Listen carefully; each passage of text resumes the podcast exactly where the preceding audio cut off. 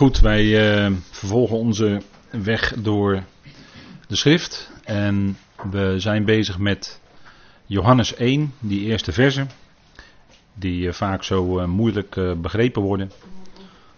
Maar misschien is het zo wat duidelijker als we exact het Grieks volgen, wat er echt staat. En jo Johannes knoopt aan bij de eerdere profeten, eerdere schrift die bekendgemaakt was. En zegt ook dat het woord naar God toe gericht was. En dat kunnen we, dat kunnen we ook zien als we even kijken naar de manifestaties, om het zo maar te zeggen. De manifestaties van God, hè, want God maakte zich bekend en hij manifesteerde zich daadwerkelijk. Hij sprak Abraham bijvoorbeeld aan.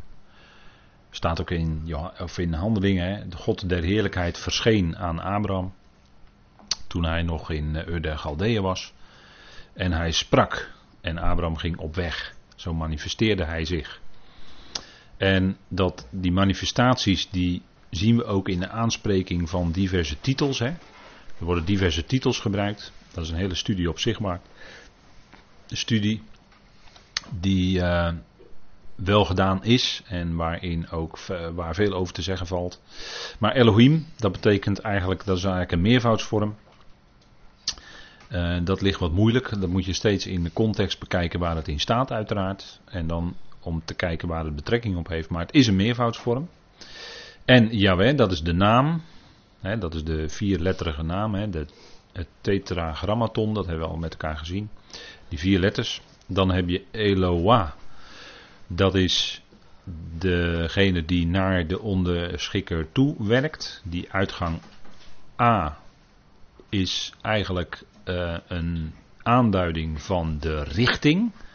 Dus Eloah is eigenlijk een aanduiding van Christus die op God gericht werkt. Eloah komt ook zeer regelmatig voor in het boek Job bijvoorbeeld. En dan ja, dat is de afkorting van de naam. Dat is uh, wat men dan zegt de rechterkant van de naam. He, de vierletterige naam die begint met ja. En dat zie je ook terug in heel veel namen. Ik noem u bijvoorbeeld Zacharia of Jeremia. Dan hoort u het he, aan het eind dat ja. Dat is dan de afkorting van de naam Yahweh. Je hebt ook Eel of Al, dat is de Allerhoogste. En Shaddai, dat betekent degene die genoeg is, genoegzaam, degene die voldoende kracht heeft om zijn belofte waar te maken. De Heer zei in uh, Genesis 17 tegen Abraham: Ik ben El Shaddai, wandel voor mijn aangezicht. En Abraham moest zich besnijden als teken dat hij het vanuit zichzelf niet kon. Een stukje van zijn vlees afsnijden. Dat staat als uh, symboliek voor afsnijding van het hele vlees, namelijk dat de mens het zelf niet kan maar dat God het doet. En op dat moment onthult God zich ook aan Abraham als Al Shaddai. Dan heb je Adon en Adonai, dat zijn twee vormen van het begrip Heer, zoals wij dat kennen als Heer. En heel vaak ziet u dan in uw vertaling in het Oude Testament staan Heren, Heren. En dan Heren met kleine letters en Heren met hoofdletters. En als het Heren met kleine letters is, dan is het Adon of Adonai. Dat betekent echt Heer. En dan met grote letters heren, dat is dan de vierletterige naam, Yahweh. Dat is heel vaak het geval. Heren, heren. En dat is dan de levende, dus die manifestaties van God. Daarin wordt hij zichtbaar als de levende God. En hij wordt dan erkend als hoorbaar en zichtbaar. En dat is Christus in zijn heerlijkheid, die op God gericht is. En die spreekt ook. En dat woord wat hij spreekt, richt ook op God. Hij gaf dat woord door aan de profeten, zodat zij het konden spreken. Zo richtte hij op God. Hij was de hoorbare en zichtbare God van Tenach. Of zoals die in Tenach bekend wordt gemaakt. En daar verwijst Johannes naar. Als hij zegt het woord was op God gericht, hè, naar God toe. En God was het woord, het woord is vlees geworden. Dat verwijst dan naar de Messias, die toen nog in zijn heerlijkheid was voordat hij mens werd. Johannes verwijst naar hem. En hij wil bekendmaken wie die Messias is. Hè? Want dat was het doel van uh, Johannes. Hij wilde aan zijn mede volksgenoten bekendmaken dat Jezus de Messias is. Dat staat in Johannes 20, vers 31. Zullen we het even lezen met elkaar? Johannes 20, vers 31.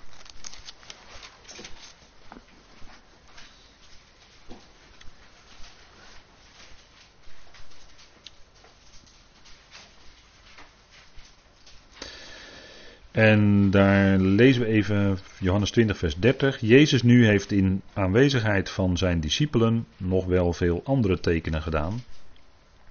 Die niet beschreven zijn in dit boek, want Johannes beschreef er 7 slash 8. Maar deze zijn beschreven opdat u gelooft dat Jezus de Christus is, de Zoon van God, en opdat jullie door te geloven het leven zult hebben in zijn naam. En dat leven is dan het leven vooral in de komende aion van het koninkrijk op aarde natuurlijk. Dan bij Johannes wel, hè, op aarde. Zeker. En dat was het doel waarmee Johannes schreef. Hij wilde laten zien dat Jezus de Christus is, de Messias is, de Zoon van God. En als zijn mede-volksgenoten dat zouden geloven, dan zouden ze het leven ontvangen. Het leven. En dan door het woord, hè, want het woord is leven. En het leven is het licht van de mensen. Daar gaat Johannes dan verder mee. En zo knoopt hij dan aan bij de schriften die ze zo goed kenden. Hè. In het woord was leven en het leven was het licht van de mensen. En het licht schijnt in de duisternis en het duisternis heeft het niet begrepen of niet gegrepen. En dan gaat het verder met: Er was een mens door God gezonden, zijn naam was Johannes. Maar goed, dat uh, Jochanan is een mooie naam.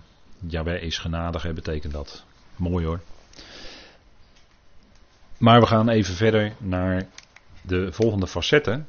Dat die uitdrukking naar God toe, daarvan heb ik op deze dia, dat is uh, dia nummer 9 van deze presentatie. Daar heb ik een concordantie opgezet van waar de uitdrukking voorkomt, naar God toe. Dan kunt u dat in uw vertaling even langslopen en dat even verbeteren hier en daar. En dan ziet u precies in welke tekstverbanden wordt gesproken over naar God toe. We gaan ze natuurlijk niet allemaal opzoeken vanavond. Dat zou veel te lang duren. Dan, eh, dan bent u uh, vanavond om 12 uur nog niet thuis. En dan hoopt u natuurlijk al lang te slapen. Maar Romeinen 5, vers 1 bijvoorbeeld, er staat: Wij dan gerechtvaardigd uit het geloof hebben vrede. En dan leest u altijd bij God. Maar er staat eigenlijk naar God toe. Wij hebben vrede naar God toe. Wat betekent dat dan? Als we naar God toe denken en met ons hart weten, dan is dat vrede. Omdat we dat evangelie mogen kennen, dat evangelie van verzoening. En daarom is het tussen ons en God vrede. Dus van ons uit naar God toe ook vrede. Vandaar naartoe, hè. Dat is toch even een verfijning, denk ik. Want u leest altijd bij God. Maar het is eigenlijk naar God toe, in die richting. Die God van de vrede. Waar Paulus dan later over schrijft in uh, Romeinen 15. Nou, Romeinen 5, vers 1. Wij dan gerechtvaardigd uit het geloof, die heb je nodig voor je wapenrusting, daarom zeg ik het. Wij dan gerechtvaardigd uit het geloof hebben vrede naar God toe door onze Heer Jezus Christus. Wiens geloof is dat? Zijn geloof natuurlijk. We zijn gerechtvaardigd door het geloof van Jezus Christus. Ook weggepoetst hè, in de vertalingen. Ik zit vanavond wel te mopperen op die vertalingen. Nou, nou, het is wat. Vervelend allemaal. Maar het is toch het geloof van Jezus Christus. Ik kan er ook niks anders van maken. Er staat nou eenmaal een tweede naamval in het Grieks. En ik heb op school geleerd dat je dan van moet vertalen. want genitief gaat over de oorsprong. Dat zegt het woord genitief trouwens zelf ook hoor. Dat het gaat over de oorsprong, waar iets vandaan komt. Vandaar dat je allereerst van moet vertalen. En dat zal iedereen uh, u direct beamen. Ook iedereen die Grieks kent. Dat is gewoon algemene grammaticale. Dat is gewoon zo. Maar hier ziet u dus de uitdrukking naar God toe. Dus dat is een beweging naar God toe. En in Romeinen 5 vers 1 vind ik dan een hele mooie. omdat het zo waardevol is voor je weten, voor je denken, voor je hart. dat je altijd dat voorop mag stellen. Dat wij niet schuldig voor God staan, maar wij zijn gerechtvaardigd. Punt. En daar zouden we het heerlijk bij mogen houden. En dat doen we ook. Kijk, een verschil is, ik heb wat verschillen tussen Johannes en Paulus. Hè? Want uh, het woord schriftindeling mag je ook bijna niet meer gebruiken. Maar er is wel degelijk sprake van twee lijnen. En als u daar uitgebreid over geïnformeerd wil worden, dan verwijs ik u terug naar gelaten 2, de studie. Dat zijn zeven studies geweest. En dat gaat over de lijnen in de schrift. En wilt u dat goed wat dieper uitgediept hebben, dan zou ik u willen adviseren dringend om die zeven studies te beluisteren. En daar aandachtig mee bezig te zijn. Dan gaat u ontdekken dat er twee evangeliën zijn in deze tijd. Nee, niet in deze tijd, dat zeg je helemaal verkeerd. Je hebt het evangelie van de besnijdenis. Dat gold toen, toen de twaalf nog rondgingen in Israël. En je hebt het evangelie van de onbesnedenen, of het evangelie van de voorhuid, letterlijk. Paulus, van de natie. Twee lijnen. En straks gaat het evangelie van de besnijdenis hier op aarde weer een rol spelen. Dan is dat reddend. Nu is het evangelie van Paulus reddend in deze tijd. Dat zijn twee verschillende lijnen in de schrift, die liggen daar gewoon. dat zijn twee evangelieën. Het evangelie van de besnijdenis, tweede naamval. En het evangelie van de voorhuid, tweede naamval. Duidelijke lijnen. Johannes was een apostel van de besnijdenis. Dat was een van die twee Boanerges. Zonen des donders, weet u wel. Boanerges betekent zonen met gedonder eigenlijk. Als ik het goed zeg. Weet wel, die moeder van de zonen van Zebedeus, die kwam bij de heer Jezus van, mogen mijn zonen aan uw rechterhand zitten in koninkrijk? Dat waren zonen des donders, dat waren Johannes en Jacobus. Maar dat waren later apostelen van de besnijdenis. Johannes is een apostel van de besnijdenis. En zijn evangelie is prachtig. Er zit prachtige typologieën in, prachtige tekenen en, en wonderen beschreven. Maar bedenk altijd dat het evangelie is van de besnijdenis. Hoe prachtig het ook is, het is niet het hoogste wat God onthulde. Het hoogste wat God onthulde is via Paulus. Paulus is apostel van de natie. En ik heb het op deze dia daarom even een paar facetten naast elkaar gezet om aan u de verschillen te laten zien. Als het gaat om de Heer Jezus, hè, om Christus. In de vorm van God zien we bij Johannes dat hij hem beschrijft als de zoon van God.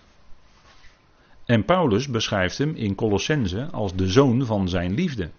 En dan, maar dan gaat het ook heel hoog daar in Colossense 1. Johannes beschrijft Christus als het woord van God. Paulus beschrijft hem als het beeld van God. En dat is een hogere onthulling. Als je Christus ziet als het beeld van God, dan zie je hem, dan heb je heel direct contact. En dat is veel nauwere verbinding nog dan wanneer je hem alleen hoort met je oren. Dus dat is een hogere onthulling. De relatie van Johannes als apostel van de besnijdenis die hij legt, is steeds met de aarde en het komende aardse koninkrijk. bijvoorbeeld de bruiloft in Cana, dat was een teken, een wonder wat de Heer Jezus daar deed. Maar dat was een beeld van de bruiloft tussen Yahweh en zijn volk in het komende koninkrijk. Waarin hij met dat volk in dat nieuwe verbond, wat dus ook weer een huwelijksverbond is, net als het oude, was ook een huwelijksverbond, zal treden. En in dat nieuwe verbond zal dat water van het woord van God ook omgezet worden in wijn. Dan is er ook vreugde, want er is bruiloft. En daar spreekt de bruiloft van Kana van. Maar dat is allemaal aards, dat is allemaal hier op aarde. Dat is de relatie. De relatie met beeld van God is bij Paulus in de hemelen. Dat is hoger. Is een hogere onthulling. Bij Johannes gaat het om het woord. En als je het verschil wil. Ik heb net gezegd, hij was een van de zonen des donders. En een donder hoort bij bliksem. Maar een donder is geluid en die hoor je pas na. Hoeveel tellen? Eh, een paar dertig tellen geloof ik. Maar een bliksemflits, die zie je direct. En is ook heel snel. En zet de hele hemel ook in het licht. En is zichtbaar in de hemel. En Paulus zag de Heer Jezus oogverblindend. Zijn licht wat hij uitstraalde op weg naar Damascus was feller dan de middagzon. dus dat, is ook een, dat duidt ook op een hogere onthulling dan alleen het horen van het woord. En hoe geweldig dat ook is hoor, horen van het woord, dat is ook heel belangrijk. Maar het is nu, voor nu even, om die contrasten, om die verschillen te laten zien. En bij Johannes is de basis voor de zegen Israëls voorrangspositie. Nog steeds, hè? Daar, op basis daarvan schreef Johannes ook. Israël was een bevoorrecht volk. Alleen tijdelijk is het voor wat betreft het zegenkanaal zijn voor de natie op een zijspoor gezet. Totdat de gemeente is weggeroepen van deze aarde. En dan gaat de Heer weer voluit hier op aarde met Israël verder. En zal Israël aan de spits van de volkeren staan. Maar op basis daarvan schreef Johannes. Paulus die schreef als basis van de zegen die hij mocht bekendmaken. Dat de basis daarvan was Israëls krenking. Verwerping van de Messias, verwerping van het getuigenis van de Heilige Geest. En daardoor kwam Israël tijdelijk, voor wat betreft hun licht voor de natie zijn, op een zijspoor. Maar straks zullen zij weer voluit dat zijn. En dat is bij Paulus de basis van de zegen. Hè? Hun krenking. Laten we even met elkaar opzoeken. Romeinen 11. Daar staat dat gewoon. Dat is veel beter dan dat ik het probeer te omschrijven. Je kunt veel beter Gods woord zelf lezen.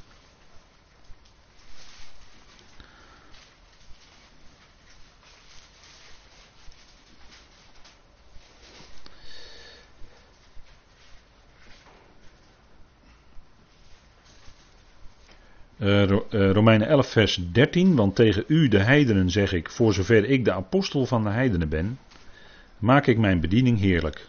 Dus hier zegt Paulus hetzelfde: Hij is apostel van de natie. Om daardoor zo mogelijk mijn verwanten naar het vlees tot jaloersheid te verwekken. Dat is natuurlijk het volk Israël. En enige uit hen te redden. Want als hun verwerping, dat is hun verwerping van de Messias, zij verwierpen Jezus als de Messias. Want als hun verwerping verzoening voor de wereld betekent, wat zal hun aanneming anders zijn dan leven uit de doden? Dus er zal in de toekomst een moment zijn dat ze als volk hem zullen aanroepen. En alle wie de naam des Heeren aanroepen zullen dan gered worden. Dan zullen zij hem aannemen als de Messias. Dat zal voor hen zijn leven uit de doden. Dus die verwachting voor Israël, die blijft natuurlijk gewoon recht overeind staan. Hè. Daar valt niets aan af te doen. Maar hier is het wel zo, hun verwerping is de basis eigenlijk in zekere zin voor de verzoening van de wereld. Dus de zegen die we nu ontvangen door het evangelie van Paulus is gebaseerd op de verwerping van Israël. Dat staat hier hè. En later zal het zo zijn dat Israël alsnog hem als Messias zal aanvaarden, alsnog, door het werk van de geest uiteraard. Maar dan zullen ze hem aanvaarden en dan zal het zijn leven uit de doden.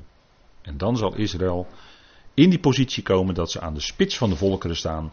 Dan zullen zij koningen en priesters zijn over de volkeren. Zullen zij regeren. Met eh, de 144.000 bijvoorbeeld met een ijzeren roede. Die mannelijke zoon. En wij als leden van het lichaam van Christus, als voltallig lichaam van Christus, compleet, zullen regeren als heel lichaam te midden van de hemelingen. En natuurlijk zijn wij enorm met hem verbonden. Hij is het hoofd en wij zijn leden van het lichaam. Maar als we nu kijken in die duizend jaar, dan wordt natuurlijk gezegd aan het begin, hè, dat is het begin van het zogenaamde, het einde van het troongedeelte en het begin van het tempelgedeelte uit de openbaring, maar daar gaan we volgende week weer mee verder dan is hij koning van de koningen en heer van de heren op aarde. Maar dat wil nog niet zeggen dat hij dan ook duizend jaar lang op een troon in Jeruzalem zit. Ik zal u een eenvoudig voorbeeld geven van regeren. Koning Willem-Alexander is koning van de Nederlanden. Als hij in Japan is op staatsbezoek met Maxima, dan is hij nog steeds regerend vorst in Nederland. Maar hij is fysiek in Japan. Nou. Als, de Heer dan, als er dan van de Heer Jezus gezegd wordt dat Hij regeert. En dat Hij zijn troon van zijn heerlijkheid zal zetten En dat hij de volkeren zal richten enzovoort. Hè, dat staat allemaal in Matthäus 25. En dat hij zal regeren over de aarde als koning der koningen en heren van de heren. Wil dat dan zeggen dat hij duizend jaar lang op een troon in Jeruzalem zit? Wel nee, helemaal niet. Helemaal niet. Het een sluit het ander niet uit. Hij hoeft niet lijfelijk daar steeds aanwezig te zijn. Net zo min als koning Willem-Alexander lijfelijk aanwezig moet zijn in Nederland om toch regerend vorst van Nederland te zijn. Eenvoudig voorbeeld, hè? Maar als hij, de Heer Jezus is veel meer dan alleen koning der koningen en heer der heren hier op aarde. Hij is veel meer. Hij is hoofd van het universum. Hij is hoofd van alles. En dat is de boodschap die Paulus bekend maakt. Ook van de hemelse machten en krachten. En daar gaat nou juist Efeze over. Dat is het geheimenis van de Efezebrief. Dat hij ook te midden van de hemeling het hoofd is. En daar zal uh, regeren. En wij zullen dat met hem mogen doen. En dat wil helemaal niet zeggen als de Heer bij gelegenheid op aarde is. Dat wij dan hem moeten vergezellen omdat we leden van zijn lichaam zijn. Wel nee. Hoofd zijn en lichaam zijn en leden, dat is allemaal beeldspraak. Dat is allemaal beeldspraak. En dat moet je niet te ver doortrekken. Altijd bewust zijn, als er sprake is van een beeld, van beeldspraak, dan zijn daar grenzen aan. Dat kun je niet zomaar zo onbeperkt doortrekken. Het een sluit het ander niet uit. Als de Heer even op aarde is, wil niet zeggen dat wij onze plaats te midden van de hemelingen gaan verlaten om ook met hem op aarde te zijn. Wel nee. Dan blijven wij gewoon te midden van de hemelingen, want dat staat in Efeze. Dus dat is een heel eenvoudig iets en ik heb daar nooit eigenlijk problemen mee gehad. Maar je komt, je komt in de problemen. Kijk, in Thessalonicense staat bijvoorbeeld, in 1 Thessalonicense 4 staat, en zo zullen wij altijd tezamen met de Heer zijn. Dat staat er, hè? Maar sluit dat dan uit dat de Heer nu niet tezamen met ons is? Of dat wij nu niet tezamen met Hem zijn? Dat staat toch in de Efezebrief? Dat wij gezamenlijk met Hem gezet zijn te midden van de hemelingen? Dat is nu al zo. Dan zijn we ook al tezamen met Hem. Dus dat een sluit het ander niet uit. Maar dat wil zeggen, op dat moment dat die bazuin klinkt. En wij, de Heer, de, wij worden heel snel weggerukt van deze aarde. En daar is een geweldige ontmoeting met de Heer in de lucht. Dat wil zeggen dat wij zo van die aarde weg, boven in de lucht, altijd tezamen met Hem zullen zijn. Daar is onze, dat is onze richting, daar, naar die kant, dus naar boven. En dan zullen we altijd tezamen met Hem zijn. Net zoals Hij nu al met ons is. Terwijl Hij nu die positie boven heeft, wat Efeze 1 zegt, boven alles gezet, nu al. En Hij is niet op aarde nu. En toch wordt gezegd dat wij met Hem zijn. En dat Hij met ons is. Dus het een sluit de ander niet uit. Daarmee is de, die beeldspraak, hoofd en lichaam, dat is een geweldige beeldspraak. Maar het is beeldspraak en daar zit de grens aan. En dat kun je niet te ver doortrekken. Anders kom je in de problemen. Want wat wilt u dan? Wilt u dan met Christus op aarde regeren? En Israël dan? En Israël dan? Hoe dan met Israël? Wat dan? Dan krijg je weer vervangingstheologie. Dan ga je weer de fout in. Dus je kan dat niet met. Dan kom je in conflict. Je loopt vast dan, ik wil nog wel iets scherper stellen. Wie zijn de koningen en priesters op aarde straks?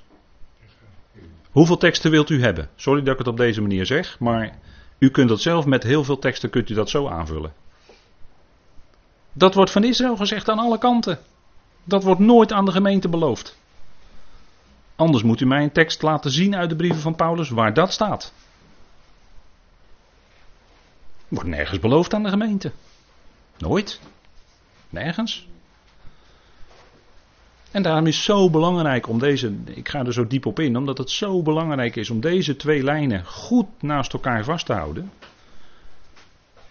En natuurlijk komt het uiteindelijk allemaal tot eenheid als God alles in alles is. Dan komt die eenheid van alles, van die hele schepping met elkaar. Natuurlijk, eh, dat is het doel van God. Natuurlijk, dat is het plan van God. Daar komen we wel.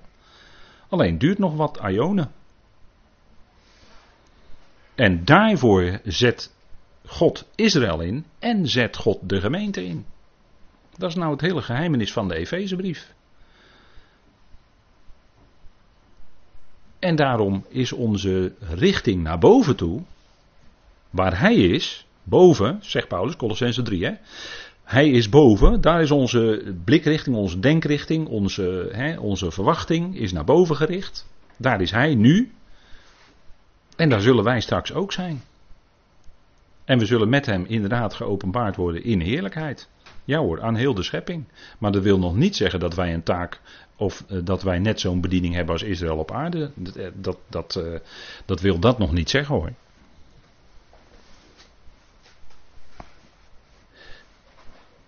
Doorredeneren. Dat is wat een gelovige snel doet. En daar moet je heel erg voorzichtig mee zijn, zeker als het om deze dingen gaat. Laat de teksten op hun plaats staan waar ze staan en wees ze bewust in welke context ze staan en voor wie ze bedoeld zijn. Anders loop je op een gegeven moment vast. Als je gaat doorredeneren, loop je op een gegeven moment vast. Kun je wat jij gelooft nog terugvinden in woorden van de schrift zelf? Als je dat niet meer kan, dan ben ik bang dat je aan doorredeneren bent en dat je vast gaat lopen. En dat, is niet, niet, uh, niet, niet, uh, niet veroordelend bedoeld of zo. Het is alleen maar bedoeld om. Laat, hou die woorden vast die God zelf zegt. Laat dat steeds in je spreken. Die woorden zelf. Want die zijn waar. En we hebben met de, begin van de avond ging het even over de drie eenheid. Nou, je ziet waar je uitkomt. Als je dat gaat proberen in jouw menselijke woorden allemaal met redenering allemaal te proberen vast te leggen. Dan zie je waar je uitkomt in een totaal onbegrijpelijke formulering waar niemand iets van snapt. Je loopt dus vast. Maar goed, we gaan uh, verder. Dus er zijn twee verschillende gebieden waarin God zijn zegen uitdeelt. Het ene is via zijn kanaal Israël en het andere is via zijn kanaal de gemeente, het lichaam van Christus. Heel eenvoudig eigenlijk. Christus. Wie was hij? En hij was het woord. We hebben dat al, ook al eerder met elkaar, maar ik geef het nog maar heel even door. Adam hoorde hem in de hof. Abraham luisterde naar God. Mozes vernam zijn stem. Jezaja zag hem op de troon en hoorde. Ezekiel zag hem en hoorde. Hoorden zij de onhoorbare? Hoorden zij de absolute God? Nee, nee, nee. Zij hoorden zijn woorden. En dus via Christus. In zijn vroegere heerlijkheid. Dat wil het zeggen, God was het woord. Dat is nog even samenvattend, hè?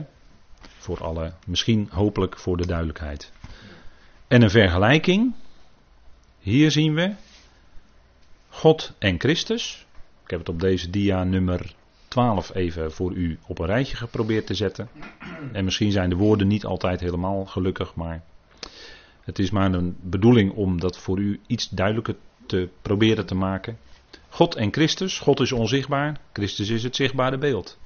God is geest, Christus werd gezien als een mangestalte, als een mensgestalte. God, zijn wezen is dat hij geest is. En Christus is de uitdrukking naar buiten toe. De vorm, naar buiten toe, zichtbaar.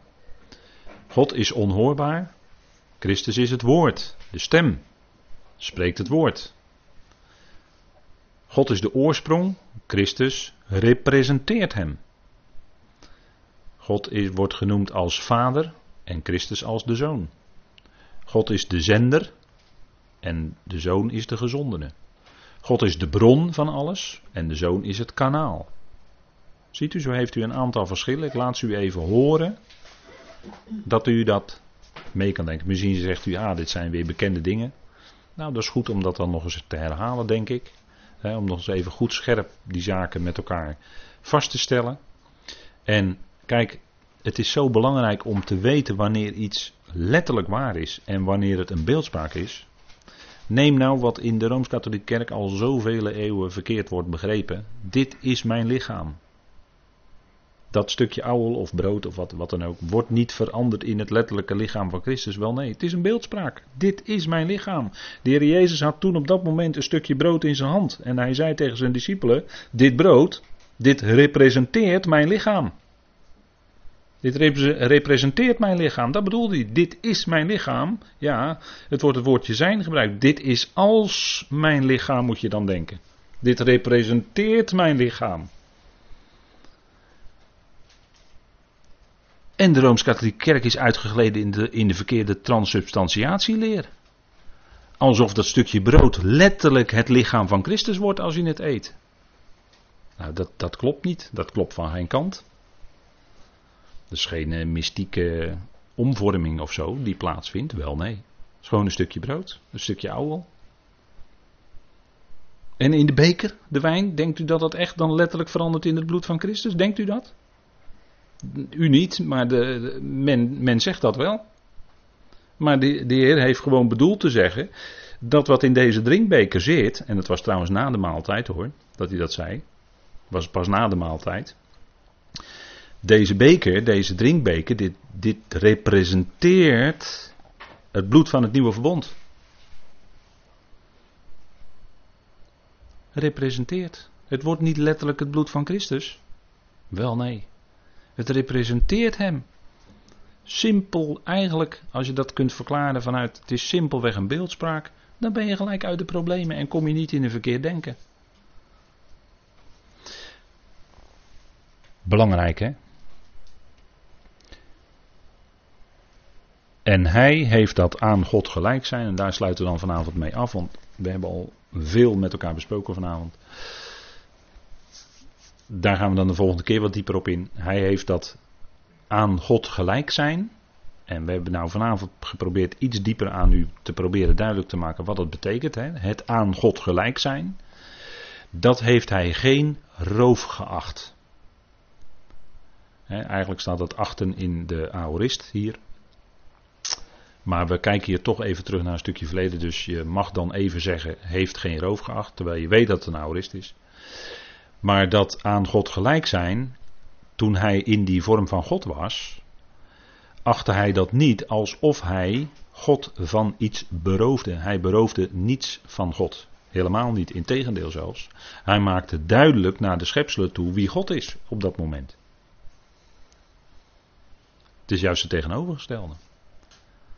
En, en dan begrijp je ook iets beter dat hier staat, hij heeft het geen roven geacht, die momenten dat hij God representeerde. Wel nee, hij maakte God juist meer duidelijk naar die schepping toe.